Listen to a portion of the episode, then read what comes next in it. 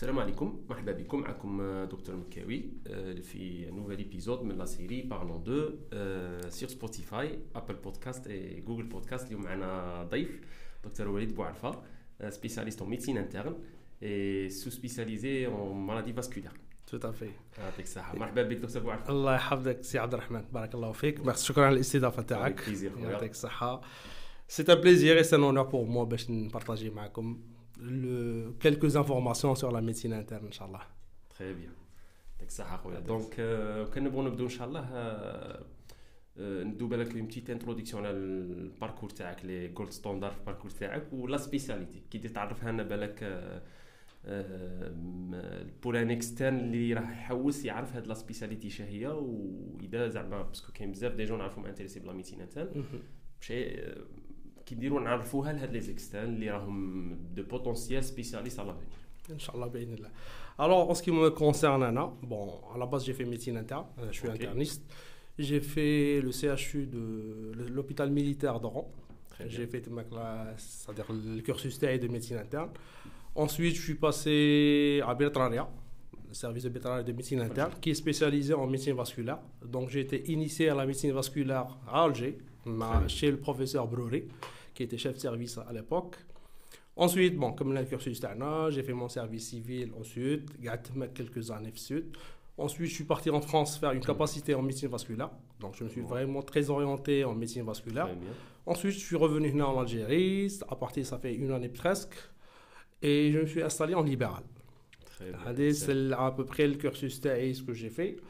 Alors, si on veut parler de médecine interne, ça reste une spécialité qui est qui est peu connu, que ce soit pour les médecins ou même pour le grand public. Des fois, mmh. des fois, le médecine interne. Genre, on peut imaginer plein de choses, mais réellement, on ne sait pas ce que c'est. Et ce qui est malheureux en plus, c'est que même les médecins, le cursus CERNA, hein, on n'a pas fait de médecine interne. Actuellement, je pense qu'ils ont commencé à faire la médecine interne. Un okay. module de médecine interne, sixième année, je pense, à de la Mhm. C'est une bonne chose. À peu près, une petite idée à la médecine interne. Alors, si on veut définir la médecine interne, on va dire que la médecine interne, c'est une spécialité qui n'est pas, ce, n'est pas une spécialité d'organe, à la différence des autres spécialités. Alors, c'est une spécialité qui s'intéresse aux maladies systémiques, auto-immunes et inflammatoires. Très bien. Mais maladies systémiques. C'est quoi une maladie systémique? Alors on appelle les maladies systémiques toute maladie qui a des manifestations qui peuvent toucher différents systèmes. Ok. Par exemple, euh, ça peut toucher le système cardiovasculaire. Oui. Ça peut donner des manifestations extracardiaques. extracardiaques, par exemple, neurologiques. Oui. Ça peut donner, euh, ça peut toucher euh, le système hématopoïétique. Donc c'est la même cause, mais qui va se manifester sur plusieurs organes. Et les, manifestations, ils peuvent être simultanés, c'est-à-dire en même temps, on a plusieurs atteintes. Parfois, il y a un intervalle de temps. Par exemple, maladie B7 ah, par exemple. Hmm. Maladie B7 quand même, c'est une pathologie qui est assez connue, on va dire, assez fréquente, il y a hmm. Vous êtes cardiologue, docteur McCarvey, par exemple, vous avez quelqu'un une mamie, par exemple, a une hypertrophie ventriculaire. Oui. Ah. En même temps, elle dit qu'elle a bah, un rhumato, ou un orthopédiste, ou un éducateur pour des arthralgies. Oui. par exemple, l'ophtalmo pour une sécheresse oculaire. Donc, elle est suivie par plusieurs spécialistes, mais si on essaie de rechercher, par exemple, la cause, peut-être c'est une seule maladie, les symptômes. دونك هنايا سي سكي سادير هذه هي لا ديفيكولتي اون با دير هذه هي الحلاوه تاع لا ميديسين انترن و en même temps c'est c'est la difficulté تاعها c'est d'essayer de regrouper l'ensemble des symptômes dans une seule ou bien deux ou trois maladies Très bien. صح دونك هذيك Oui. هي اون va dire شويه اللي حلاوتها راه شابه وواعره مشاوتها وبارفوا طيح لك المورال تاعها. صح شكون تقرا بزاف هذه هي دونك حنا Donc, le cursus, tu le résident Minigi, Minigi il, va se former. Hmm. Donc, il sera obligé de, passer par plusieurs spécialités. Par exemple, le service, il fait bon, ce n'est pas valable pour tous les services, mais service, il fait on avait des unités oui. endocrino, neuro, rhumato, même ils avaient même l'unité de néphro quand le médecin Mais après, bon, euh, ils se sont séparés. Mais genre, on fait avec le tour à la différentes euh, euh, le système de la pédiatrie, les hôpitaux, qui Bon, bon c'est pas valable pour tous les, les services. Mais le service qu'on a fait. Donc, on hmm. passe, on faisait la consultation, par exemple, d'endocrino, de neuro, de gars, Donc, le cursus, à chaque fois, on se forme un, on va dire, un, organe, si, je peux me permettre, on va acquérir des connaissances. Donc, au cours de la formation interne, on va se retrouver polyvalent. La première caractéristique des internistes. Oui. D'ailleurs, les, les services de médecine interne, surtout l'étranger, c'est qu'il y a un service de médecine polyvalente. fait les internistes. À force de, c'est-à-dire d'intégrer plusieurs unités, de, de, prendre en charge différentes euh, pathologies, ça, ça donne à l'interne le caractère polyvalent. Ensuite, avec tellement euh, c'est-à-dire ensuite, quand on commence à faire la formation interne, on commence à acquérir beaucoup d'informations. À un certain moment, on, on, va tu es perturbé. Trop hmm. d'informations, parfois, elles tuent l'information. Ah. Dans la radio, qui la pédiatrie. C'est le problème. Donc, à un certain moment, on commence un petit peu à se, se perdre. Tellement tu as où c'est très vague, c'est très. Là. Donc, à, un certain moment, on commence à se perdre. Mais, mais ça va nous pousser à changer notre façon de raisonner. Oui. On va devenir plus intelligent le raisonnement. Et la démarche diagnostique. Donc, la deuxième caractéristique, tu les internistes c'est une spécialité de, de diagnostic et de démarche diagnostique. Hmm. Donc, tu as beaucoup d'informations, mais tu essayes d'affiner les informations et même les données à le patient, surtout sur le côté sémiologique, clinique. On essaie pour limiter le, le, le nombre, c'est-à-dire de probabilités à les maladies ou les diagnostics. Ou hmm. Donc, c'est ce qui faire à l'interne, c'est le côté, on va dire, démarche diagnostique et tout. House. Bon, je pense que c'est un petit peu exagéré, Dr House. mais c'est le principe. mais on va dire un petit peu. Bon, bon c'est cinéma et tout. un problème diagnostique, il, mais, oriente, euh, voilà, mais quand on les gens qui qu'on n'arrive pas à faire un diagnostic, euh, D'ailleurs, c'est pour ça, des fois, qu'il y a une certaine ligne la médecine interne, c'est une spécialité de première, deuxième et troisième intention. Les, les, autres spécialités d'organes, c'est des spécialités de première, voire deuxième intention. J'allais des fois, par exemple, on travaille avec les cardiologues, avec les pneumologues, avec les infectiologues. C'est-à-dire, il est passé en service spécialisé, ils n'arrivent pas à poser le diagnostic, ils, nous orientent Ce n'est pas parce que nous on est meilleurs, pour être, pour être clair. Euh, pour être clair. c'est votre. Euh, c'est juste qu'on est complémentaires. Alors, en médecine interne, parce qu'on est interniste, il est qu'on discuter, les critiques oui. les discussions, il faut, il faut avoir c'est-à-dire l'aptitude, c'est-à-dire pour travailler en équipe. Bien sûr, il faut toujours la discussion. Impossible. C'est-à-dire que le médecine interne, la première chose, la première qualité tu dois accepter déjà la critique et c'est-à-dire pouvoir c'est-à-dire la compétence de communiquer avec les autres les confrères il faut c'est-à-dire accepter oui. les idées c'est la seule façon pour aboutir à un diagnostic ou aboutir à un truc justement pour le patient. Donc, oui. fait le côté, c'est-à-dire tu as la démarche diagnostique et tout. Ensuite, une fois on devient polyvalent, donc ça fait tenir aussi le champ en médecine interne, tous les ما n'importe quelle maladie يحطها قدامك ما تخافش تقلع هذاك الرهبه تاع الانكوني هذه هي ما مريض ماكش عارف كاع عندك تبدا معاه quel que soit tu as un examen clinique détaillé تبدا au fur et à mesure تبدا في l'examen clinique تاعك les paramètres de première intention de deuxième intention de troisième intention jusqu'à un point, parfois ça arrive même à l'étranger, partout, gaffe médecine interne, mm. parfois on n'arrive pas à poser le diagnostic au départ. les malades, ils sont hospitalisés, et ça, le diagnostic il n'est pas posé.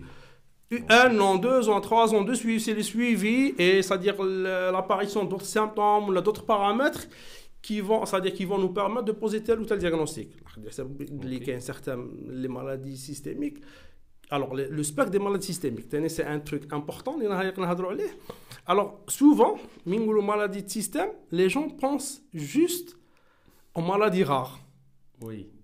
Hein? Alors qu'il y a des maladies fréquentes, euh, comme la PR ou... Mm-hmm. ah, plus que ça. Vous êtes cardiologue. Par exemple, une maladie, tu hein, quotidiennement, est-ce une maladie de système? L'HTA Par exemple, l'HTA. L'HTA, oui. Par exemple, l'athérosclérose. Hmm. Athérosclérose, oui. On peut dire que euh, c'est une maladie système. Donc, alors, le une maladie inflammatoire aussi. Elle est inflammatoire. Mm. Euh, euh, L'athérosclérose, c'est une maladie qui est inflammatoire. inflammatoire. C'est une maladie inflammatoire, les précurseurs de l'inflammation existent. Actuellement, les recherches, les grands centres, ils commencent à tester par exemple la biothérapie. La biothérapie flatérosklérosis. Hein. Les anticoagulants par exemple, les anticoagulants. Donc, par exemple, les nouvelles études, les anti-11. Oui. Ça m'a dit que La bélasimab, c'est un nouveau anticoagulant anti-11 activé. Il est incroyable. Il reste encore très cher, mais c'est un je suis mobile. Ça oui. Donc, les maladies système, ce n'est pas juste les maladies rares, mais des maladies les plus fréquentes, par exemple diabète, athérosclérose, HTA, ce que vous voulez? حتى les maladies, voilà, les maladies rares, maladies orphelines, كاين les maladies الاخرين. Donc le spectre est Ok. très large. حنايا, on ne s'intéresse pas à l'organe, on ne se fixe pas à l'organe, Oui, qui met les autres spécialités. beaucoup plus tout ce qui est la fonction et le, le mécanisme physiopathologique. Donc, Très bien. quand il y a un truc auto-inflammatoire, on est là, on essaye de comprendre ce qui se passe, on essaye de poser le diagnostic, même si parfois c'est pas à nous de traiter. Oui. صح؟ La médecine interne elle est très vague. Euh, un seul spécialiste, il ne peut pas couvrir et traiter les pathologies qui existent. Des fois, le rôle il se focalise juste à le diagnostic. Ensuite, je passe la main. Je passe la main au cardiologue, ou là, au pneumologue, ou là, au néphrologue. Des fois, c'est des trucs. Hier, hier, on a aussi un spectre où, oui, on intervient. Okay. les pathologies où on intervient. D'autres, non. Il faut savoir céder la main et je pense que c'est un truc qui est valable pour toutes les spécialités. Hmm. Mais ça reste que on est censé poser le diagnostic. Euh, ça, donc, beaucoup plus le diagnostic. Ça reste le spectre d'activité TANA, même si on va dire les pathologies, elles sont diverses. Très bien. Ah, très bien. Voilà. Une autre façon, Belak, euh, de rectifier l'information? Oui. آه، في في لي ايتازوني عندهم آه، في الاكسترنا عندهم دي برونش دو لا ميديسين قسمين لا ميديسين سور دي برونش 5 غروند كاتيجوري Mhm. et la psychiatrie, la pédiatrie, la gynéco, obstétrique, la chirurgie et la médecine interne. Sur la médecine interne, elle englobe gars les spécialités non chirurgicales hors psychiatrie et pédiatrie. Tout à fait. Donc, euh, Alors, est-ce qu'il y a une différence ah, entre la alors, catégorie ou la كاينين spécialité نوع. Ah, Oui. ah, Alors, le système, surtout le système anglo-saxon, Oui, ou ou les pays nordiques, ok. ils donnent beaucoup d'importance à la médecine interne. علاش هما في لا- هما شوف حنا عندنا مالوروزمون هنا في ال- في لا فورماسيون تاعنا dans beaucoup de spécialités on se focalise على l'organe Ok. صح alors que en tant qu'interniste hein, نشوفها en tant Mm. qu'interniste peut-être j'ai raison peut-être j'ai آه، tort احنا صح؟ مادين ندو البوينت فيو Euh, تاع euh, je pense que c'est une approche qui est fausse حتى علاش Par exemple, quand je passe un j'ai fait déjà euh, j'ai fait des stages dans différentes spécialités. Oui. صح؟ Parfois, on trouve صوالح qui sont importants alors que le résident ou l'assistante à la spécialité il va il va passer à il s'est focalisé par exemple. Le poumon ou bien le cœur et tout. Maintenant on essaie de prendre le patient garde les paramètres du corps. On sait très bien que il est intégré. Le système que ce soit le système immunitaire ce que tu ce qu'on veut ou le système cardiovasculaire qui est le côté hormonal endocrinien il est on va dire euh, euh, intriqué, mais bien entendu. Donc on ne peut pas négliger le côté. Oui, donc on essaie. Alors les anglo-saxons n'importe quelle spécialité mm. ils passent soit 2 à 3 ans en médecine interne. Le cardio 3 ans. normalement. تكون عندهم علاش le temps d'acquérir هذاك le réflexe تاع la globalité c'est vrai un- un- un- moi je m'intéresse par exemple à l'œil ou là au cœur ou là au poumon mais en même temps je reste basique Basique. Mais, mais dans ma spécialité, je suis plus. euh, صح toujours j'intègre les, les autres informations hmm. soit je traite soit j'oriente mais je ne dois pas passer à côté d'ailleurs un- euh, je, je conseille à tous mes collègues des autres- d'autres spécialités Oui. si vous avez le temps passez dans un service de médecine interne c'est le docteur Mekawi درت فيها الانترنا vous allez voir euh, vous- là surtout médecin médecin spécialiste غادي ملي تبدا تحضر في الميتين تبدا تحضر لي كولوج تبدا وتشوف تفهم الاخر واحد الصوالح تبدا تقول تتفكر فاتوا قال عليك قال هذا المالاد راه عطيته واه نيشان هذا المالاد راه عطيته alors que on, on peut donc Les anglo-saxons, ils donnent beaucoup d'importance à la médecine mm. interne. D'ailleurs, même, ils ont fait une étude, la je pense, euh, exactement le pays, l'essentiel, c'était un pays nordique. Okay. Ils, euh, ils, euh, deux régions, ils se sont focalisés à la médecine interne, c'est-à-dire qu'ils y a les internistes, ou j'ai non, il n'y avait pas beaucoup d'internistes. Mm. En matière de rentabilité, c'est-à-dire en, économie de santé, c'est-à-dire la région D'ailleurs, c'était une étude qui a été publiée. La région Liken fait beaucoup d'internistes la prise en charge c'est-à-dire en globalité elle, cou- elle a coûté moins que la euh, que l'autre côté اللي فيش لا il لي n'y avait pas de beaucoup c'est pour ça qu'ils insistent علاش وي Là, on, on le, co- on le constate. Par exemple, une ane- anecdote, hein, quand j'étais en, quand j'ai fait dermato, donc فكرتها, il y avait un jeune dermatologue معنا كان عادك يدخل. ماشي moi في service de médecine interne, genre le service interne il était un petit peu وانا j'étais résident. Donc ou assistant وانا résident, j'ai un malade مش عارف là, c'était quoi le problème, mais l'essentiel il avait un problème d'anémie, c'était une anémie inflammatoire. Donc automatiquement j'ai euh, j'ai investigué le patient. مين شاف هذاك الرجل قال لي اه دي افي ايماتو نهار الاول حشمت منه عندي حاجه مش نعطوك كلش كاع سيتو انيمي حاجه بازيك من بعد صار لي مع دوزيام وتروزيام فوا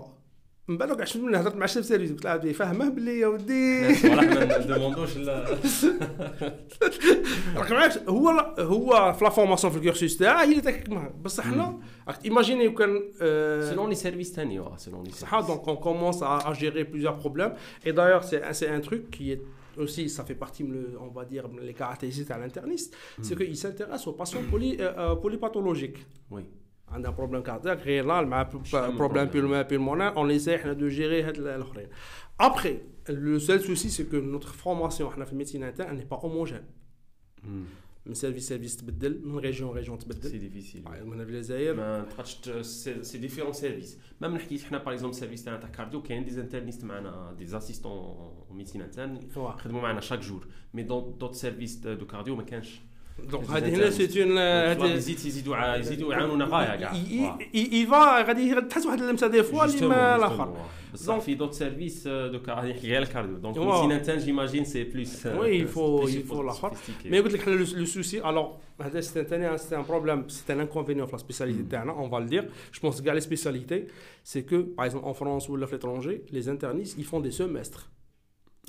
ils peuvent changer de, de Service. service خاطرش علاش chaque service عندها لي بوان فابل وعندها لي بوان لي بوان فور تاعها هذه مليحه وش مليحه راك معايا معايا Oui. وكان تقعد كاع تساعد في الميم سيرفيس غادي تقعد غير بلا ميم ميم مونتاليتي غير لي ميم زانفورماسيون لا ميم مونتاليتي غير الدور واحد Par contre, ملي غادي تبدا ت- quand on commence à changer de service مم. تلقى سيرفيس فور في هذه باغ اكزومبل عندها ان بروف دار لا تيست تاعه ولا يترافاي انورميون سور تيل باثولوجي دونك اون فا اكيرير دو ليكسبيريونس في هذيك لا باثولوجي Oui. جو شونج دو سيرفيس دونك انا هذه جو لي كونستاتي اون روتار مي جو لي كونستاتي كون كون جي شونجي دو سيرفيس رحت من وهر رحت لالجي وي صح من بعد الصحراء فرنسا عندك بعد شويه الاخر رحت باغ اكزومبل كاع لي- لي variétés. سيت شويه كاع لي فاريتي باغ اكزومبل رحت في ان سيرفيس اون فرونس كنت ان سيرفيس كي سي ان سيرفيس دو كومبيتونس en hypertension artérielle pulmonaire et maladie vasculaire rare et tout ce qui est maladie thromboembolique par exemple les اشطاب les اشطاب انا بكري كنت نقراهم تيوريكمون ما كنتش هنا في الجزائر ما كناش نخدموهم اشطاب باللي حاجه تري سي دي مالادي كومبليكي c'est-à-dire on va pas dire que ce n'est pas mais من دخلت في سيرفيس اللي on يخدم- faisait آه. beaucoup d'اشطاب بانت لك حاجه سهله avec ملي تخدم مع ان ريفيرون يبدا يفهم فيك et tout il va te simplifier la chose et effectivement من بعد ماشي نقول لك je suis expert je ne suis pas expert mais ça devient plus facile. Par rapport à avant. Ah, ah, ah, alors qu'avant, quand l'acheteur me fait bien Même pour moi, c'était une maladie qui était très très rare, alors que euh, c'est fréquent. C'est une maladie, euh, c'est une pathologie qui est très fréquente, très grave, très et malheureusement. Différents types, euh, qui m'a très capillaire, bon, c'est-à-dire vraiment, il y a cinq groupes d'ailleurs, elle est classée en cinq groupes. Oui, cinq groupes. Cinq groupes Elle est très. c'est une- Sincèrement, c'est- moi j'étais inspiré. Genre, le chef de service تاعي m'a inspiré في الاخر. Actuellement, تدخل في ال- تدخل mais هنا malheureusement في الجزائر on peut pas on peut pas les Oui, prendre le en charge. café, les- c'est difficile. On a déjà café Les- droit. Les molécules ما كانش. Hmm, احنا la plupart des même molécules احنا ما احنا même dans le sildenafil. كاين الوغ لي كاين سيغتان برودوي اوسبيتالي كاينين مي باغ اكزومبل c'est Sildenafil, ça fait partie du traitement oui, oui, quotidien de l'achat. L'antagoniste d'azote. Elle n'est pas remboursée par la sécurité sociale. Hmm. Alors que c'est cher. Ah, ah, ah, alors la moins chère, elle fait soit, soit 620 dinars. La molécule. Il y a 30 comprimés? Fait, là, on fait 3 comprimés. Euh, euh, parfois, les patients ils commencent de 1 à 3 comprimés par jour. Mm. Imagine 18 000 dinars ou 20 000 dinars. Il est déjà, on, on va dire, handicapé. Oui, oui, euh, fonctionnellement donc, handicapé. Donc, c'est difficile d'agir en Algérie, oui, je. Donc, beaucoup. Alors, pour revenir à la question TAC, les anglo-saxons, ils donnent beaucoup d'importance à la médecine interne. Hmm. Quelle que soit la spécialité médicale, on passe 2 à 3 ans justement pour acquérir avec les réflexes, la globalité. Ensuite, Ok. les gens se spécialisent. قالت لها بغيت عجبتك الك- la cardiovasculaire, تكل الله انت pneumo انت الاخر هكا ça donne c'est-à-dire le spécialiste même s'il est spécialiste d'organes il a toujours des réflexes Hmm. عندها des qui dirait- à un certain moment il, il, il aura des tics مع un patient قال bon هنا il y a un truc qui n'est pas normal soit il va lui-même faire le diagnostic ou là il va orienter ou là en tous les cas le Ok. patient mais foutch euh, on, on passe pas à côté du diagnostic On ne هذاك rate هو pas le ال- diagnostic général. Ah, voilà Oui, je comprends. Quelle est une autre pa- façon de définir la spécialité بالك C'est le Oui. cursus تاع le résident. واش durant les 5 ans شنو هما les- est-ce que qu'il y a un programme bien établi في- oui pour savoir à peu près quelles sont les grandes catégories Oui. euh, Alors, في ال- euh, في le, cu- في le cursus, on a 4 années. Ah, Alors, c'est une euh, formation de 5 années. ça. Ah. Alors, 4 années, c'est un programme, une pro théorique et pratique. Ça, Ok. Théorique et pratique. La cinquième année, ce qu'on appelle une année optionnelle. Hmm. Genre, tellement la médecine interne, elle est vague, on ne peut pas gérer qu'à la médecine interne, on on va pas gérer gars les pathologies. Ça. En cinquième année, c'est une année optionnelle où chacun, il va s'orienter, on va dire, selon ses préférences, selon son feeling. Ça. Donc, les quatre années, on a la première année. C'est une, la, la première année, c'est beaucoup plus, la formation interne, c'est beaucoup plus les conduites à tenir mais même il chauffe le, programme et tout, conduite à tenir devant, je sais pas, il prend la trémie, il parle la trémie, il Voilà, c'est beaucoup plus les, conduites à tenir. Les deuxième, troisième année, quatrième année, on va approfondir nos connaissances, les, pathologies. Ah, parce que c'est bon que c'est très bien. Donc c'est par rapport à ça. Donc, euh, alors la première année, elle est sanctionnée par l'examen de première année. Qui est. On ne va pas dire qui est facile, qui est un petit peu difficile. Pour La première année, même la façon de répondre en médecine interne, elle est très très importante, elle est très délicate. Par exemple, oh. les... L'examen. Euh, Donc, on a dit qu'on doit s'entraîner à ça. La façon de répondre. Des fois, même si tu as le diagnostic, mais ils ne cherchent pas, c'est-à-dire que l'examen, ils ne cherchent pas que juste le diagnostic. Ils cherchent le raisonnement. Ils doivent voir le gars, c'est-à-dire le raisonnement qu'il va faire. Et qui va, euh, genre par exemple, les différents diagnostics qu'il a évoqués. Donc la façon de répondre, elle est importante. C'est ce qui pose, on va dire, la difficulté chouïa. On doit s'entraîner à ça. En général, les services, ils font ça. Okay. On commence à faire des, des, cas cliniques, soit en groupe, ou là, ou là, qu'il y a des livres pour ça. Alors qu'il y a le DCEM en médecine interne. Il y a trois temps. Excellent livre. Donc, il est excellent pour les cas cliniques, même la façon de, de répondre, il détaille vraiment la façon de répondre et on doit toujours, la façon de répondre, on doit toujours, par exemple, introduire les recommandations. Ben, selon telle recommandation, tac, tac, par exemple, le traitement. Alors, la façon de répondre aussi, l'examen de première année, il y a des, par exemple, la conduite, quand, quand la question est conduite à tenir devant, il y a, il y a une façon de répondre. Par exemple, si on vous demande diagnostic et prise en charge, il y a une autre façon. Mais c'est des trucs qui s'acquièrent avec le temps. Donc, même au mm. service, en général, les services, ils forment les résidents à ça, c'est-à-dire ah, pour répondre. Euh. Euh, en général, c'est-à-dire la difficulté. En général, à force de travailler en médecine interne, au programme au programme euh, les diagnostics, on arrive à les faire. La seule difficulté, c'est la façon de, de, répondre. de répondre. Donc, mais en général, il n'y a pas de souci, fait euh, Ça reste un examen stressant parfois il peut varier, parfois la façon d'exposer. Par, par exemple, des fois, quand on compare avec d'autres spécialités, on trouve les, c'est-à-dire les caractères, ils sont plus simples. Hmm. Mais, on s'adapte. On s'adapte. Il y a, il y a une courbe, voilà, il y a une courbe d'apprentissage. Un photo verra. Mais après, la première année est peut-être très difficile, surtout au départ. Alors au départ, les premiers mois, on va dire, tu as le milieu Ok اوكي تشوفهم ils commencent à discuter des trucs يهضروا على لي زونتيكور تقول انا شجبني في وسطهم صح كاين بزاف اللي يطيح كاين بزاف اللي يطيح لهم المورال Alors, ce que je conseille aux résidents de première année, les baïdiroha, au départ, surtout les 2-3 premiers mois, mais ils vont le MC ou le traité et tout. Ah, les trucs détaillés à éviter. Pour Non. toute spécialité, oui. روح غير بالكابي ولا الفي جي ولا او موان باش يكون عندك هذيك الاركتيكتور تاع لو كور Justement, oui.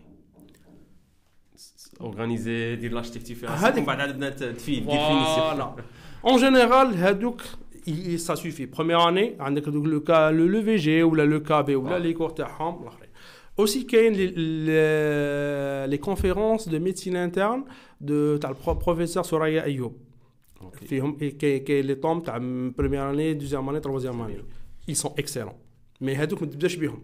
يبداو au départ بالكابي ولا الفي جي juste pour avoir Simplifier, l'architecture. Ensuite, ils passent avec Soraya Ayoub, qui sont plus détaillés, qui ont plus d'informations. Donc, même pour l'examen et tout, ils sont bien faits. Donc, ils doivent bien. Il y a aussi le livre de médecine interne, ah, le livre de l'interne en médecine interne.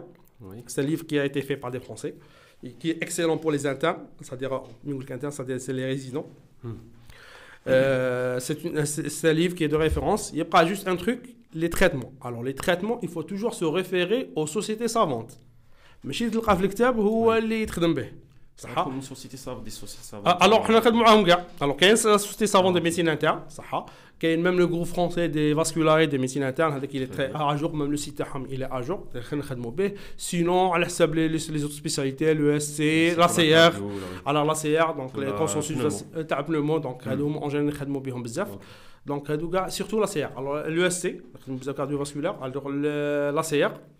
C'est la rhumato, mais la rhumato et la médecine interne. Euh, presque elles sont proches, oui. Elles sont très proches, c'est les mêmes pathologies, donc euh, c'est les mm. mêmes. Sinon, le groupe de médecine interne, surtout le groupe français, comme maintenant on est francophone, donc on est de l'homme Donc, donc c'est-à-dire, on les utilise le côté thérapeutique. Ok. Hein. Mais, c'est-à-dire, mais pour le côté cours, diagnostic, c'est les livres. Euh, c'est-à-dire les livres, bah, chaque année. C'est bien. يبدا يطلع في النيفو يبدا يدخل يدخل دوتر صح يبدا يعرف كاين يبدا يدخل لك لي زو ام سي يدخل لك كاين بليزيور ميم كاين كاين دي فوا دي ريسورس على لي دي يو دي دي يو ترومبوزي موستاز pour les gens qui s'intéressent à ça donc كاين لي دي يو كاين دي يو مالادي اوتو ايمون اي تو فيهم دي كونفيرونس اكسيلونت Très bien. كاين لو ليف تاع لو كان livre de médecine interne كاين لو livre des cas difficiles en médecine interne Ça a Aloy Gilva. A un livre bien illustré, Mitilantère de Netter. De Netter. Alors, oui, le Harrison, euh, alors qu'il même. Euh, euh, alors, le Harrison, il est excellent. Le Harrison, mais ancienne édition. Non, Kane, Kane, Kane. 1980, Harrison. Kane. Alors, Kane Bizaf, à chaque fois qu'il y a des, de, nouvelles éditions, alors le Harrison en médecine interne, il est top. Alors Harrison, c'est le Harrison il est top référence. mais il est un petit peu cher il coûte واقيلا واحد 198 euros هكا à peu près Hmm. euh, هنا يمشي كاع الناس عندهم صح Oui. donc هنا les gens qui peuvent se Même la, permettre disponibilité, la disponibilité, je pense, في l'Algérie. هنا ما قليله قليل. قليله انا انا il m'a été offert par un ami دونك على بالي خدمت به دينا نتاعو له يعرف روحه راه بروفيسور دروك en médecine الله interne سي ان كا تري شيك كيما اوفر لو البروميير هاريسون تاعي طبعا انا ما كنتش كاع نعرفه هو اللي قال لي قال لي هكا به اي صدقني ميم دي فوا دي فوا من تبحالي دي فوا نولي له بارفوا من في هذيك لي كونديت لا Hmm. تعاود تر- ترجع للأرض. تعاود تولي له بور فيكسي دونك سي ان تروك امبورطون لي ريزيدون gardez vos sources Oui, علاش هذيك لا ميموار فيزويل اللي امبورطونت justement. لا ميديسين انترن elle est très vaste تاع تقول ما نولي لاش تولي له كور تاعك تاع كي بريمير تكون اني قاري هو اللي تح- رابيدمون ت- تميتريزي. هذه شنو هي. جديد. كور تاع بريمير تقول غادي ما عرفتش نسحق عصاي كملت معاه تولي له تولي C'est bien. دي فوا اون اي دي اتر هيومان. سورتو سيغتان باثولوجي ما غاديش تخدمهم بزاف دونك اوتوماتيكمون. غادي بالك تنساهم توجور دونك اوبليجي تكون عندك سيغتان سورس فيابل اللي تخدم بهم هذوك. دائما تخدم بهم من بعد قلت لك الوغ كاين لي زو ام سي ثاني زو ام سي الأخر y a toujours à chaque fois de, de nouvelles recommandations. Il faut jour. oui. Alors en médecine interne, بالسيف عليك C'est ça le- ال- بالسيف عليك la difficulté. Ouais, هذيك هنا toujours ال- toujours toujours toujours Mm. l'actualité mais je pense que c'est valable pour toutes les spécialités هذه Hmm. si on veut être Pour vous, je pense que c'est un petit peu accéléré parce que vous êtes euh, comme une autre rela- relation avec l'immunologie, qui est une, euh, c'est une science avec trop d'ailleurs de celle البودكاست افيك دكتور مقراني سعاده هو سمعت ما كملتش مي سمعت منه مي il m'a dit que c'est une nouvelle science en termes de des, découvertes euh, chaque, chaque, chaque jour presque il y a des découvertes des publications nouvelles. Donc je pense que la médecine interne la euh, rhumaton c'est des spécialités qui incitent euh, il y a toujours de, des nouveautés. oui. même, même les critères diagnostiques ils changent. Justement. Ça les critères diagnostiques parfois il y a certaines maladies où ils, euh, réellement c'est pas des critères diagnostiques c'est des critères d'études pour évoquer telle ou telle maladie. Okay. qui changent avec le temps. Par exemple, certains critères. Voilà, donc il y a des critères qui, par exemple, donc même les critères ils changent. Donc il y a toujours avec le mouvement. C'est passionnant mais en même temps c'est un petit peu euh, lourd. Mais avec le temps euh, c'est beaucoup plus fatigant quand on est résident. Mais qu'on a accumulé les informations.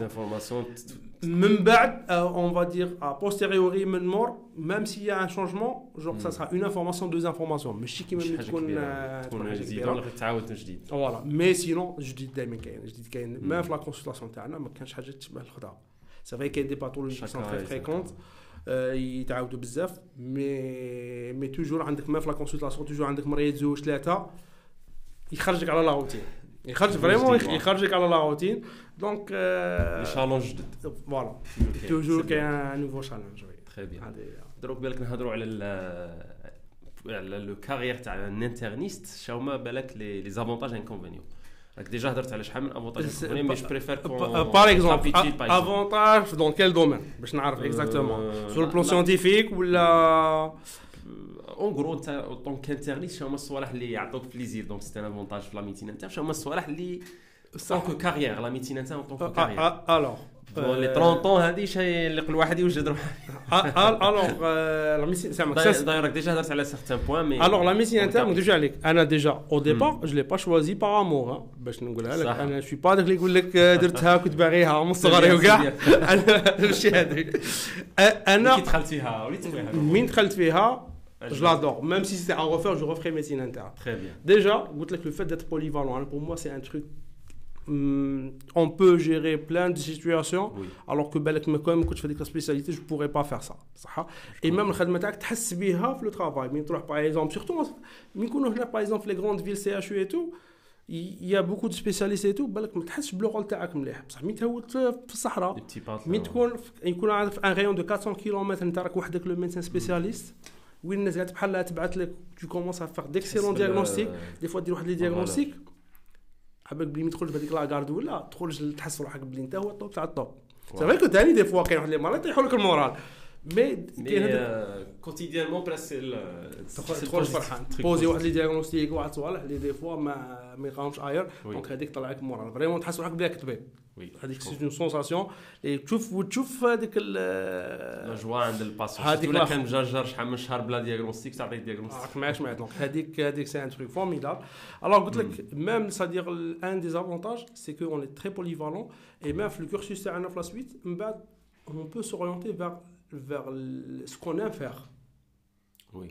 Oui. Même, c'est-à-dire qu'il y a certaines spécialités, tu trouves une spécialité, ils disent بعد ما ما دخلتليش فيها ما عندهاش كيدير Alors que la médecine interne, on peut se sous-spécialiser. علاش كاين في la médecine interne, il faut savoir que la médecine interne générale, صح وكاين sinon sous-spécialisé. Alors les sous-spécialités ما يكملوش. صح que ce soit médecine vasculaire, quelle exploration digestive, quelle cytopénie auto-immune, quelle par exemple médecine interne et ophtalmo. Oui. qu'il y a des internistes qui font de la consultation. Bon, c'est les pathologies entre ophtalmo et, et médecine interne. Mm. Cœur et médecine interne. D'ailleurs, j'avais fait un DU en cœur et médecine interne. Mais dans notre DU, on a cœur et médecine interne. Des fois, certaines pathologies, il y a soit situation simple. En tant qu'interniste, simple. Les cardiologues, ils ne Et l'inverse aussi. Bien sûr. حنا كندير في صوالح ما نفهموش فيهم اون كومونسي ا بوزي دي كيسيون ونروح الاخر الوغ كو الكارديولوج اون فاس يشوف يشوف يقول هذا مالا ما فهمش صح دونك اون بو اون بو سو فار بليزير مين تدخل فيها عندك لو شوا من بعد عندك لو شوا فاري انت تبغي تقعد في لا ميديسين بوليفالونت تقعد في لا ميديسين بوليفالونت كاين ميم كي سوريونت فيغ لا ميديسين انتونسيف وي Et elle est très demandée à, elle est très demandée à l'étranger. Ah, donc, euh, C'est bien.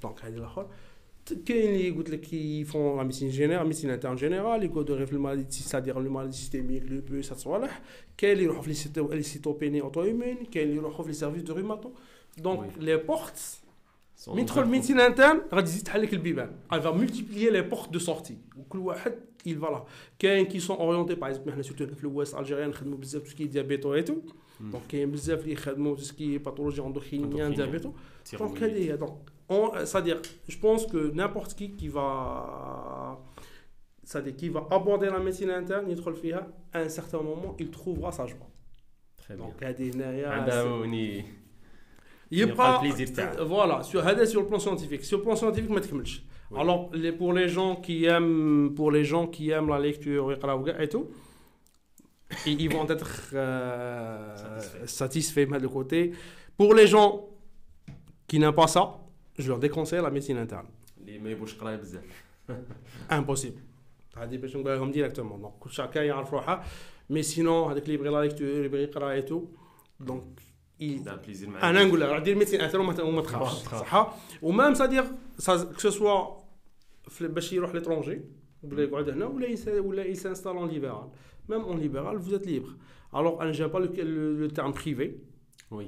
je préfère le terme libéral. Parce vraiment, mais nous en libéral, on va être libre de faire ce qu'on, ce qu'on aime réellement. Oui. un service, il y a des contraintes, il y a des exigences. Euh, on ne peut pas gérer que la mais en libéral, on peut faire un excellent travail. Ah, mm.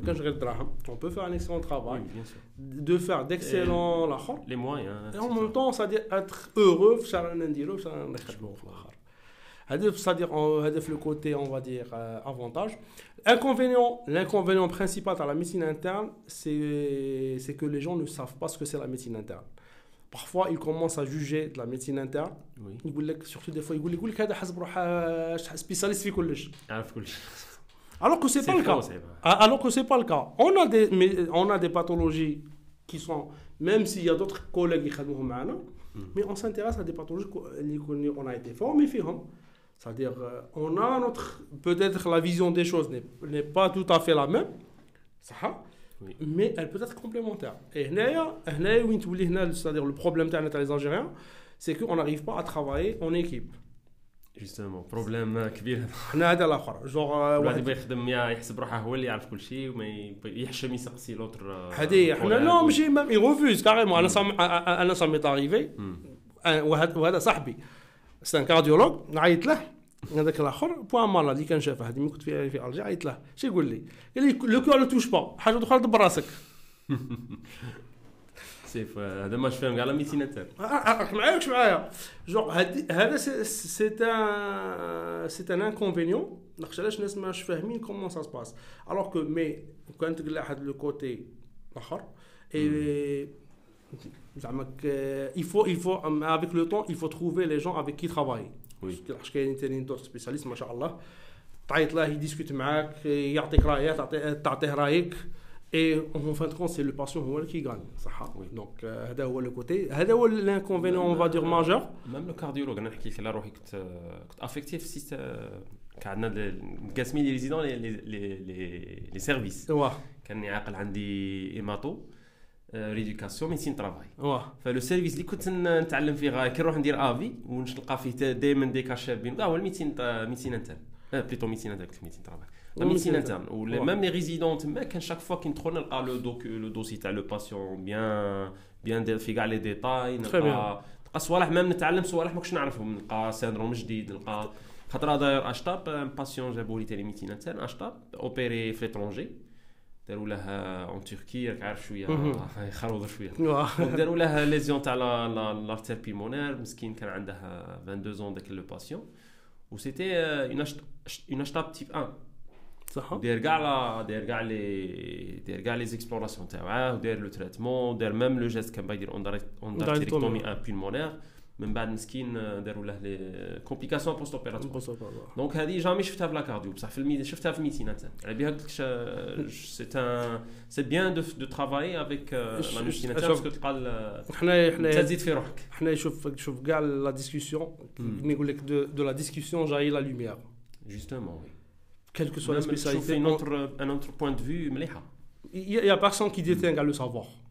justement oui Même tant que la pathologie chef منها des milliers de personnes, ça يجيك un autre spécialiste qui يشوفها d'un autre euh, d'un autre œil, d'une Justement. autre façon de voir.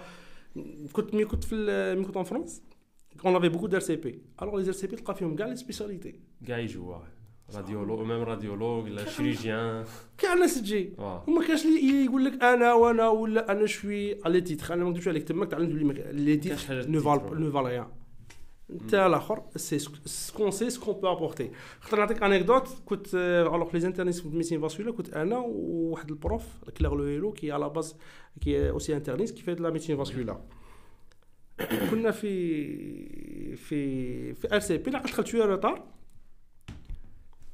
كانت واحد هذيك لانترن آه، كانت بريزونتات لو كا وكانت كاتبه في طابلو هكا. دي تيري أنا دخلت ريحت C'était un patient qui avait un problème d'hémorragie. Il avait fait une thrombose, il a commencé à faire de l'hémorragie alors que ça n'expliquait pas, le- on n'arrive pas à Le expliquer pattern. الاخر.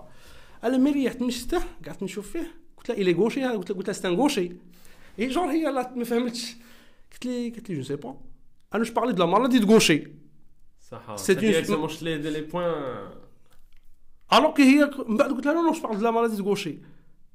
Alors من بعد خرج maladie de gaucher. C'était mal. c'est bien وهذه سا اريف وسا اريفي فريكامون دي فوا حد حاصل في ان دياغنوستيك يجي ان اوتر دون اوتر سبيسياليتي قاري غير ذاك الوقت ولا شافها غير كيف ولا. يدخل يقول لك هذه فاسيلمون وهكا سي هكا كون ابخون هكا اون اكيير الآخر نتعلم من هذا نتعلم من هذا. دونك حنا هذا لو كوتي مالوغوزمون حنا عندنا ناقص شوية. ناقص بزاف صحة. اي ميم ميم حنا ما عندناش دي سون دو ريفيرونس هنا. ميم تلقى اكزومبل كاين ان بروف ولا واحد عنده دي كاباسيتي في تال باثولوجي دي فوا متح ديفون دي باسيون ما تلقاش وين تبعثهم سي فري وي ما عندناش حنا قال ان سيت دو ريفيرونس ولا نبعث الآخر الوغ كاير بارتو مي تحوس تدخل سور جوجل إذا ما عندوش تلقى قال تيل سيرفيس تعيط ولا الآخر تكومونيكي معاهم لا. حنا هاد لو كوتي وهنا حنا سا باس دوغ اون ميديسين انترن خاطر ميم اون ليبرال الوغ اون est plus à l'aise. Mais en libéral on fait beaucoup plus les diagnostics. صح on fait les diagnostics. Pour les, certains formes bénignes et tout, par exemple ostéoarticulaire ou la cutanée, ou là, parfois on arrive à gérer, même en, en cabinet, pas de souci. Mais d'autres mm. formes, on ne peut pas les gérer en, libéral. Donc on, est obligé de les orienter le, en milieu hospitalier. C'est un inconvénient, parfois on n'arrive pas à faire le suivi le patient. Mais on se contente beaucoup plus à le côté diagnostic. Mais même si on arrive à faire des diagnostics, Sincèrement, on, est très content de, parfois de, faire certains diagnostics. La dernière fois, congé, alors je suis à congé, j'ai vu une patiente, j'ai tenu pour un truc de télangiectasie, c'est un truc euh, de, de, flébologie. Qui avait un diagnostic qui était suivi, mais c'était l'interrogatoire. Elle avait une protéinurie qui était suivie pour une, protéinurie qui n'a jamais été, la cause n'a jamais été, euh, non, déterminée. Il y avait plein de d'explorations qui ont été faites, d'explorations qui ont été faites, mais le Sans diagnostic conclusion. sans conclusion. Alors, comme par hasard, tac, ملي درت لها دوبلر hop, شنلقى c'était un nutcracker syndrome. نت كراكر هذا le syndrome de casse-noisette. Alors la veine rénale, elle passe entre l'aorte et l'artère mésentérique supérieure. Des fois, avec l'angle, il- l'angle est, un Très petit- euh, il est aigu, donc cher à dire, il va commencer à comprimer le- la veine rénale. Donc, ou même, ça, ça peut parfois, et c'est constant, parfois c'est en fonction de la, position. D'ailleurs, avec la patiente, quand elle est debout, quand elle est debout, tu euh, la, la veine, elle est carrément euh, collabée, comme la avec la pince. Une fois. Ou elle est enseignante, donc elle passait ses journées debout. Donc, donc elle fait micro khadama, dire des protéinuries, chacun avec le retour veineux, etc.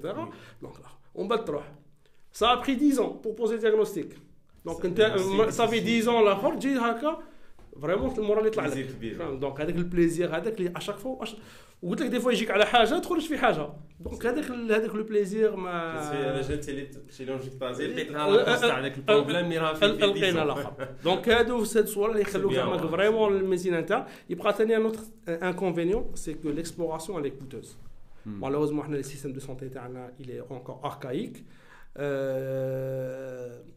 pour explorer les patients ça coûte très cher Oui.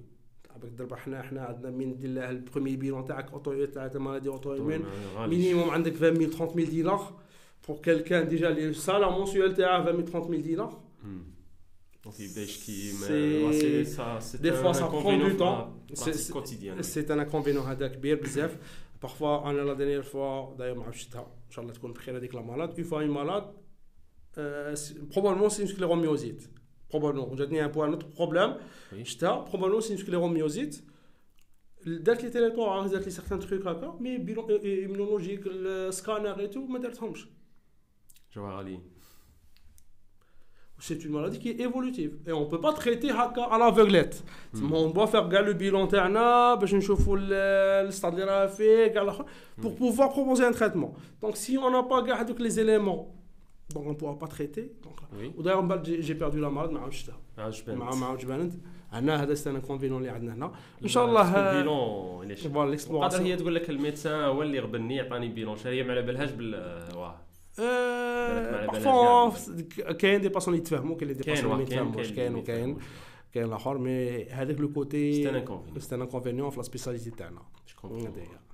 دونك نهضروا على ال- الانترنيست بين الليبرال والاوسبيتالي الصحه اوسبيتالي لو بوان دو في تاعك انت باش ما ن- ما نقولش رايي هنايا واو. اون الجيري اون ولا الجيري، اون لا، توت سيرتو اون من توت بعد غادي نهضروا سانسيريتي على ال- من بعد نهضروا على ليترونجي لي بوسيبيليتي على ليترونجي مي سورتو نتايا اون توت سيريتي En, en, en, en, en toute Algérie. sincérité, واه la médecine interne, l'hospitalier, je ne la conseille pas à mes collègues. Bon, c'est un passage obligatoire pour acquérir beaucoup Bien sûr, d'expérience. bien sûr. Mais après le résident, on a après le résident. A- Après les années, il faut, il faut sortir en privé. Et toujours continuer la formation continue.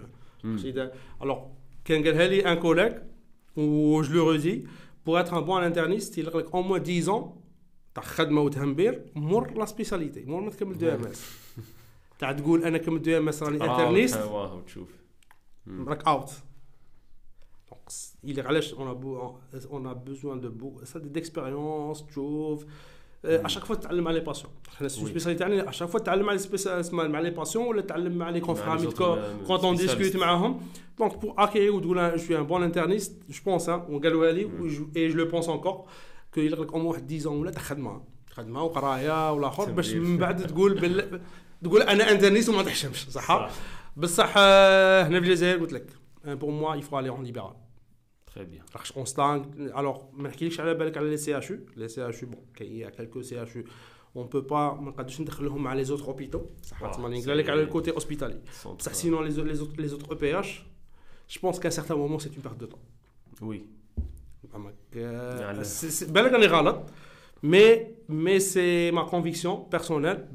À un certain moment, un EPH, un Algérie, ça sera تقعد في ان او بي اش هنا في الجزائر سا سخا Surtout كي ما يكونش كاين لي زو سبيسياليست ما يكونش كاين لي بيلون ما يكونش كاين تضيع وقتك هذه هي نيشان. ضيع وقتك وتلقى روحك اوبليجي دو تريتي سيغتان باثولوجي اللي قادر انت سو ني با فريمون ان تروك سبيساليزي صح مم. تلقى روحك من بعد كيما نقول تفتف alors que, comprends. que on peut faire beaucoup لي فري باثولوجي دو سيستيم انفلاماتوار ما تشوفهم ما دي- ما تريتيهم نيشان ما ديغنوستيكهم نيشان Au moins, au moins, من نكون par exemple libéral, je peux choisir mes patients صح en fonction de mon contexte باش même si j'arrive pas à faire gare la prise en charge complète. Mais déjà, le fait de faire le diagnostic, c'est déjà pas mal. Parce que le problème de la société, c'est le diagnostic. Il y a beaucoup de gens qui, qui ont. Alors, sans diagnostic. Qui, qui, qui sans, sans euh, diagnostic. Déjà, le fait de poser le diagnostic et on oriente le patient, c'est déjà formidable. Oui. Donc, euh, à l'étranger, non. À l'étranger, il faut rester à l'hôpital. Euh, ça n'a rien à voir. Mais même si c'est stimulant. Genre. ambiance scientifique.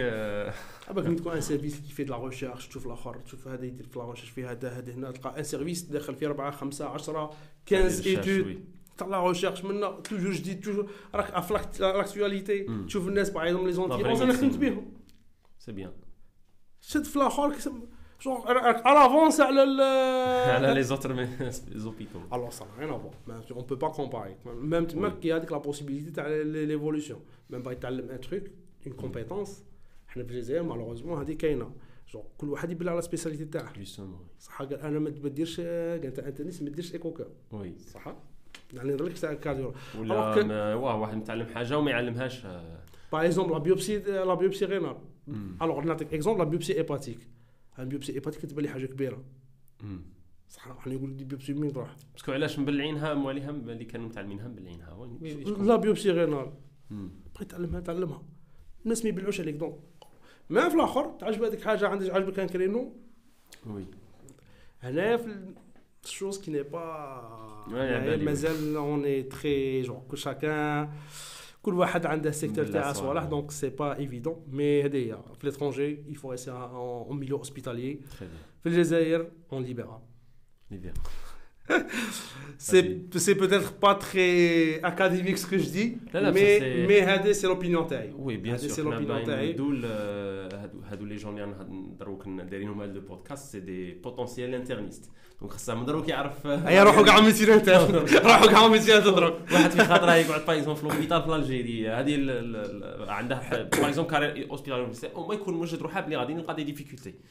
ولا يبغي يخدم باغ اكزومبل في ان اوبيتال عندها نوتر بروجي اللي باغ اكزومبل اللي فينونسييرمون اليز ولا عندها. نوتر بروجي وبغي يقعد باغ اكزومبل في لوبيتال يبغي يعاون أو موان يوجد روحه يكون على باله à كيما. نعطيك اكزومبل لي زانفيرمي باغ واحد بغى يدير انفيرمي انت تجي تقول له مالغري سي با اكاديميك سي لا رياليتي تقول له انت وكان دير انفيرمي غادي غدوه تولي دير لي زيفاكياسيون تولي تروح تقعد 8 سوايع 10 سوايع هو اذا اكسبتي هذه من البداية. سي بون هو il accepte. Fait. c'est les inconvénients de sa de son de son travail.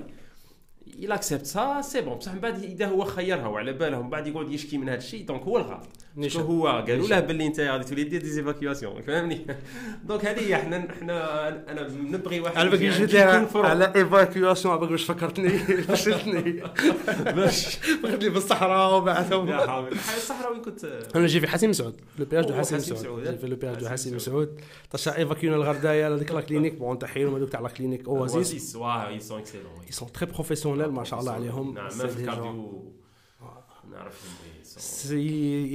D'ailleurs, service à la population Incroyable. Quand même, des fois même, on avait besoin d'avis. Parfois, des fois hmm. même, bon, je ne suis pas cardiologue, je suis interniste, c'est vrai que j'arrive à lire le CG, mais, j'ai des limites, je reste limité. Hmm. Parfois, dans certaines situations, euh, il accepte la discussion, un esprit ouvert. très très ouvert زعما vraiment dans c'est l'occasion باش نتاحوا لهم Oui, vraiment كلينيك clinique اوازيس Oasis, ما oui. شاء الله عليهم C'est un J'espère exemple qu'il type prend- تاع une clinique privée qui, qui rend service à la société, Ah, aux éno- médecins. énormément Oui. énormément donc هذه على جبدناها على les évacuations donc هذه هي par rapport قلت لك انا pour moi si vous si vous restez en Algérie il faut essayer de Travailler en libéral, de euh, travailler en préférence. libéral Mm. de préférence sous- sous- être sous-spécialisé donc il faut se former donc ماشي تقول انا كملت ريزيد انا Bien sûr. غادي صاي زوراني نعرف كلش نو هذاك وين تبدا ت- هذاك وين فريمون لا فورماسيون تاعك تبدا Oui. علاش هذيك ال- الكور- الكورسوس تاع ريزيدانا يعطيك لي باز يعطيك une certaine vision des choses mais pour développer هذوك les bases c'est-à-dire les données de base تاعك et tout il faut travailler après le Euh, après les Zidana, Ah, après les Zidana. formation de réel, c'est après les Zidana. tout à fait tout à Parce que les fait Zidana, c'est différent, les fondations. هذه هي هذه هي Justement, c'est هذه هي، déjà les هذه هي، fondations. هذه هي. je pense que c'est c'est la même chose pour toutes les spécialités Pour toutes les spécialités, justement. Même حنا cardio, زعما كان يقول لك c'est une spécialité de d'un seul organe, mais انا نحكي لك ما بروبر اكسبيريونس ابري les Zidana تحس روحك عاد راك بديت دير نيشان لي تبني روحك نيشان. باسكو في الريزيدانات تدي غير لي باز هادي هادي. غير لي باز لي تخيك ستون بصح ابري زعما ميم لا لا لا لا ريفليكسيون تاعك و الفهم تاعك كي تقرا كور تتبدل تولي تشوف لي شوز دون دون ديفيرونت مانيير تو افي اي ميم تشوف واحد سيغتان بتي ديتاي لي افون كانوا يهربوا لك جوستومون اي ميم تو كومونس افوا ان سيغتان فلاغ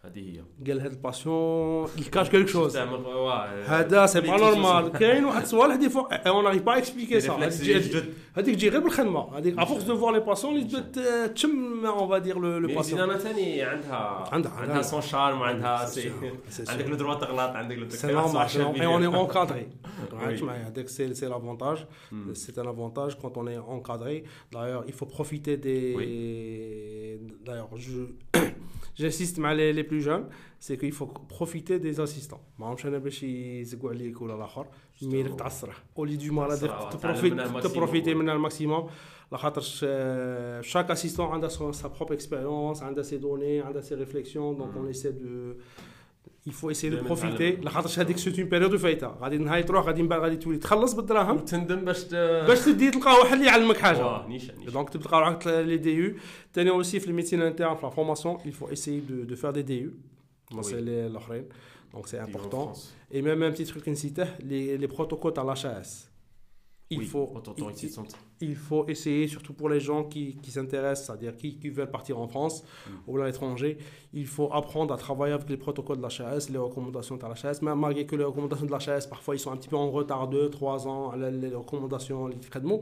Mais en général, c'est-à-dire la façon, la conduite et tout. Ils sont plus pratiques à la Ils sont pratiques à la recommandations. Voilà, voilà, tout à fait, tout à fait. Donc, euh, les recommandations, c'est de la science باش نبسطها لك هي لي ريكومونداسيون سي دو لا سيونس سي لي زيتود وكيفاش جابوا هاد لي ريكومونداسيون حنا ولي اش جو بونس راها شويه بيداغوجي Vraiment, voilà. سيمبليفيكاسيون تاع لي Tout ريكومونداسيون à fait, tout à fait, tout à fait. ايوا هذه Tout à بور fait. براتيسيان هذه هي pour le praticien, genre الاخر au moins ماشي il- براتيكي Voilà, tout à fait. ouais.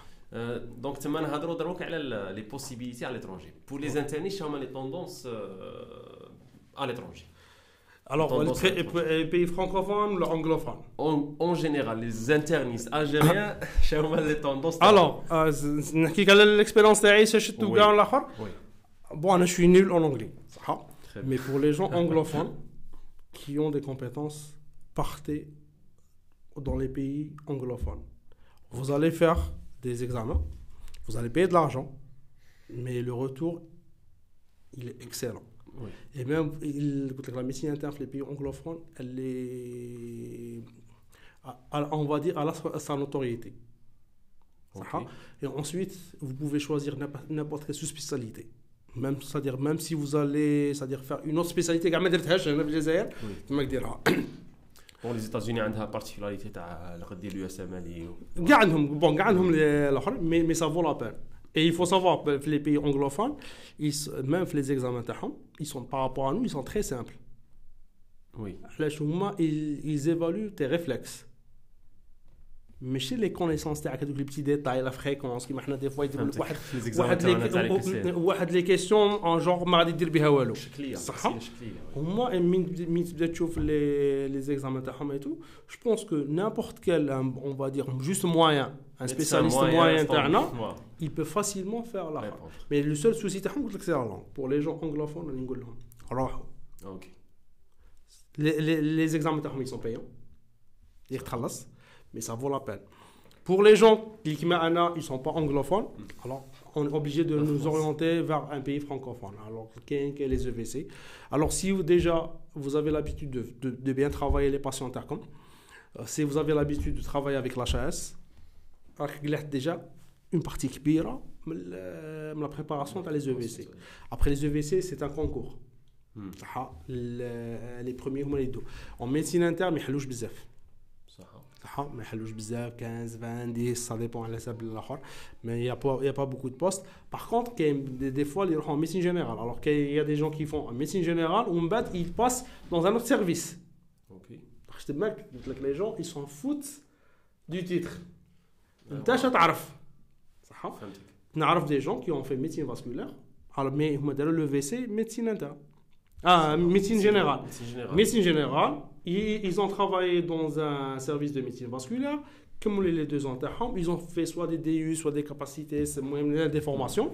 Il faut savoir que une fois tu dis l'PPS, c'est-à-dire l'équivalence TAC, ton numéro Par exemple, même s'il a fait médecine générale, à la base il a fait médecine générale, on va travailler dans un service de médecine vasculaire. Il développe les compétences en médecine vasculaire, en tant que médecin vasculaire. Donc les débouchés quand même bzef soit médecine interne soit médecine générale ومن بعد vous choisissez ce que vous voulez صح soit كاين بزاف اللي يروحوا جيرياتري اه صح صح لاخاطش لا جيرياتري ديجا عندكم سادي ديجا عندك لا باز Bon, la gériatrie, c'est une spécialité. Malheureusement, ma canche, mais c'est une spécialité qui est formidable. Hmm. انا quand j'ai travaillé en France وشفت الخدمه تاعهم ولا فاسون اللي يخدموا بها ايتو عرفت باللي حنا on ne sait pas prendre en charge Sujet le, âgé. le sujet âgé.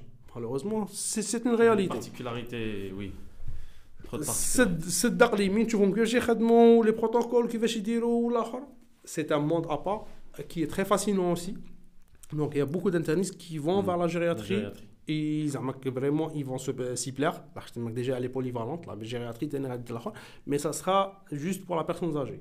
Mm. Donc انايا تاني les gens كاين هاد الاخر. Donc euh, et il faut savoir que en France, c'est-à-dire quel que soit il faut juste à gagner l'accès. Fois tu trouves l'accès en tant qu'interniste, من بعد تخدم وين تبغي. تخدم كي عندك لي ديفيرون بوسيبيليتي كاع- غادي كاع غادي غادي كاع يقبلوك لخاطرش علاش؟ ميم هما يزادور لي بروفيل اتيبيك صح علاش؟ بلا ما غادي تفيق تبع روحك. مي هما غادي يبروفيتو منك خاطر عندك دي كونيسونس اللي هما ما عندهمش. عندك اون اوتر فيزيون اللي ما عندهمش. لي بروفيل اتيبيك هي هي ليسونس تكون سيريو وباغي تتعلم. هما سي سكيل ما يقراش منك تكون إكسبير خاطر أنت ماكش مجي إكسبير وهو غادي يرجعك إكسبير. ديجا ما يحوسوش خي- سي با لور اوبجيكتيف يجيب واحد إكسبير.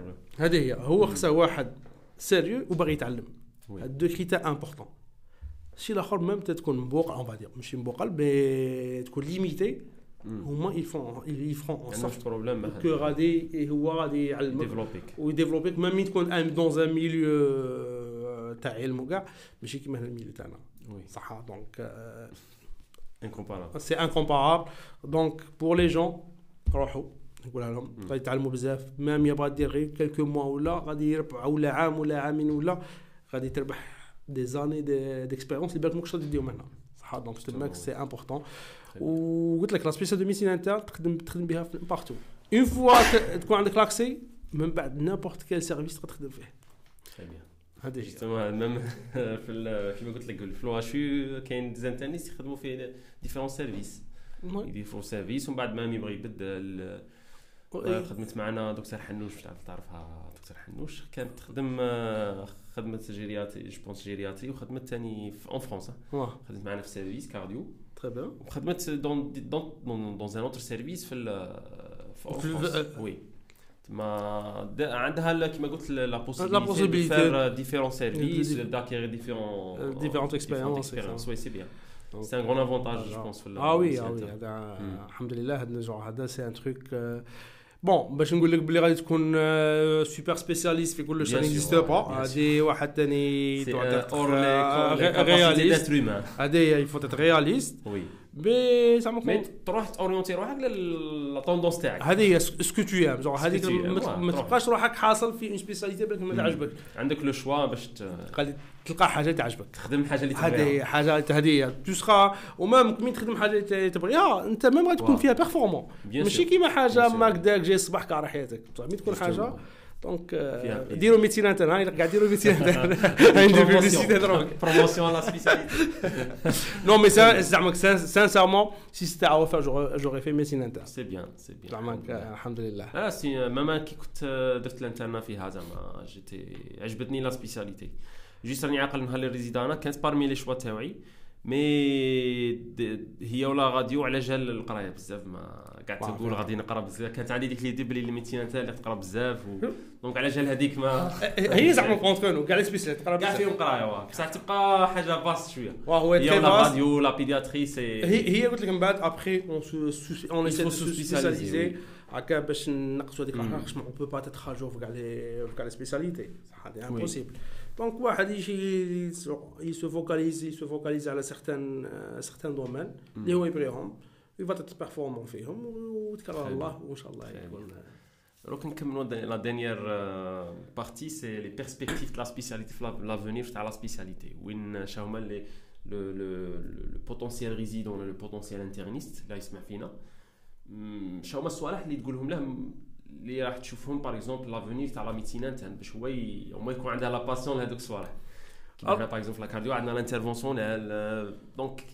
كاين هاد الصوالح كي تسمعهم يعطوك اونفي باش تزيد افونسي في لا سبيسياليتي شا هما الصوالح في لا ميديسين انترن اللي ع- Alors, يباس، ah, في ah, لافونير Alors la médecine interne, je Mm. pense que هذا وين بدات elle se développe très très bien.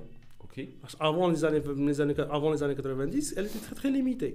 Malgré c'était juste la, la corticothérapie, par exemple. En médecine Ouais. interne, on n'utilisait que la corticothérapie. Pas déjà les immunosuppresseurs. Actuellement, la biothérapie. Oui. Donc la biothérapie, elle est en train de Révolution, révolutionner. ouais. gars, là. Donc, au contraire, en médecine interne, il y a toujours même de nouvelles pathologies. Oui. Donc à chaque fois, il y, a, il de nouveaux diagnostics, il y a de nouvelles pathologies, il y a toujours, on est toujours à la recherche de certains armes thérapeutiques.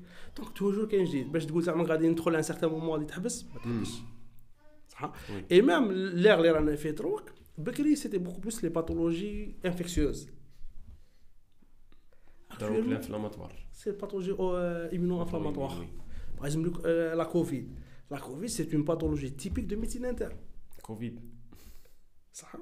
mais tu peux trouver qui fait la le terrain euh, le terrain le terrain c'est-à-dire inflammatoire qui existe même le, c'est-à-dire la physiopathologie ah, c'est un, une maladie qui est immuno-inflammatoire il y a la, composante immunologique qui crée avec l'inflammation دونك هذيك سا دون وتبدا تعطيك لي ديفيرونت اتانت مي تبدا على لا كوفيد يا با جوست كو لي اتانت بولمونير l'atteinte rénale, l'atteinte neurologique, l'atteinte cardiaque, les myocardites. Les myocardites, oui.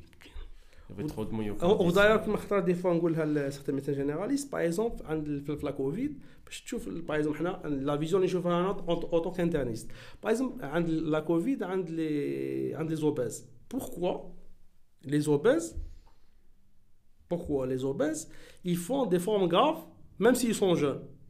Alors que le est Comment expliquer le phénomène? Ah, aucune idée. Donc, alors la vision de l'interniste. C'est un euh, domaine de recherche.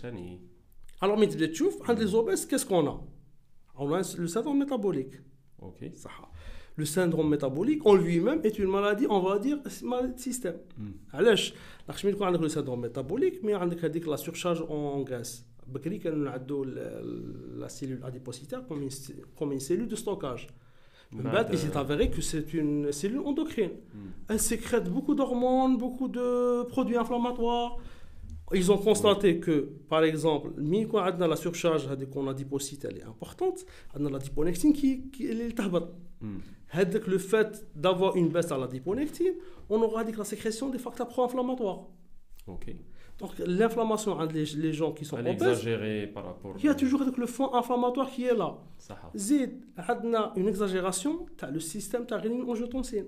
On a beaucoup plus de récepteurs. On a oublié la Covid, elle se fixe à l'aide les récepteurs. Oui. Donc tu as le facteur inflammatoire ou j'ai les récepteurs? Tu as une flambe. Il là. Et c'est juste un exemple. Donc, même drogue, le médecine interne, alors il y a beaucoup de gens, alors beaucoup de spécialités même en France qui font de l'oncologie. On ne fait pas d'oncologie, mais ailleurs, et surtout les anglo-saxons et les francophones, certains pays francophones, qui les internistes travaillent en oncologie.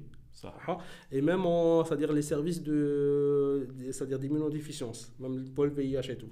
Le côté, le côté, mais donc la médecine interne, c'est une spécialité de la drogue. Elle va évoluer. Ce qu'on fait drogue, d'ici quelques années. Même les pathologies, ou d'autres pathologies, Par exemple, par exemple, quand comparer par exemple la sclérose en plaques ou la maladie de Devic. Non. La maladie de Devic, c'est il y a des anticorps anti-aquaporines. C'est des anticorps la différence c'est que l'ASAP ma fiyash les anticorps ou bah, c'était la même chose. L'immunologie, on n'arrivait pas à découvrir les, anticorps. Mais une fois ils ont identifié les anticorps, vous l'êtes une pathologie à part. Hein.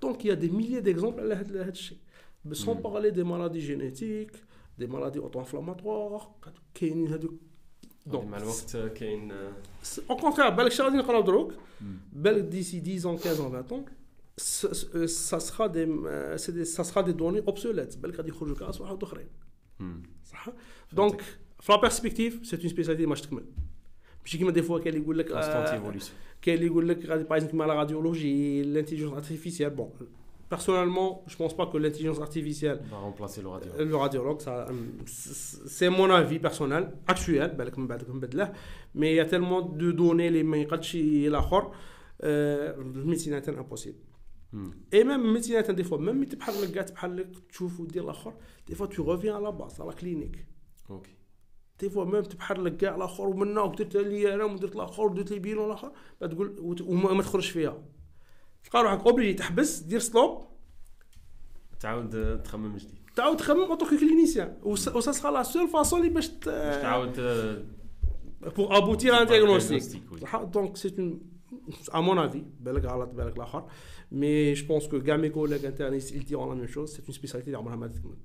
Au contraire, الوقت اللي رانا فيه يومي غادي يزيد بزاف فريمون يزيد تكبر بزاف بزاف سي لوجيك سي لوجيك خويا والد يعطيك الصحة بارك الله C'était un plaisir سي عبد الرحمن. C'est un dernier conseil pour les les prochains inchallah internistes. Le conseil le plus important ou là quelques conseils les plus importants les تشوفهم pour un un potentiel interniste, Inch'Allah euh, Il faut profiter de résidence là au maximum. Il faut voir beaucoup de patients. Hmm. Ça, c'est important. Je pense que l'expérience, j'ai les complications. Oui. Euh, C'est-à-dire, en voyant plus de patients, vous aurez probablement des, des cas qui vont compliquer, qui vont la C'est à ce moment-là, il y a mm. Il ne faut pas hésiter à discuter avec les gens. Justement, avoir l'esprit d'équipe. شوف أنا انترني سورتو في ليزيدان علاش مين تعلمها مين تدي هاد لابيتود تاع دو ديسكوتي لي كا افيك لي كونفرير تبقى فيك بصح تبلع على روحك في الليزيدان في البديه غادي تبقى افي كيما هكا وجامي ما غادي تيفولوي دونك توجور إلى اخر ثاني يتكل على الله وربي هو الوفاق ولا هو ربي اللي يوفق ان شاء الله يعطيك الصحة. خويا رياض خويا وليد مع رياض احتمال رياض حاضر معنا. رياض حاضر معنا. بارك الله فيك. سي إن بليزير يعطيك الصحة سي عبد الرحمن. وان شاء الله كاش دي كيستيون ولا يا با إن شاء الله بإذن الله بإذن الله. يعطيك الصحه ثاني يعطيك الصحه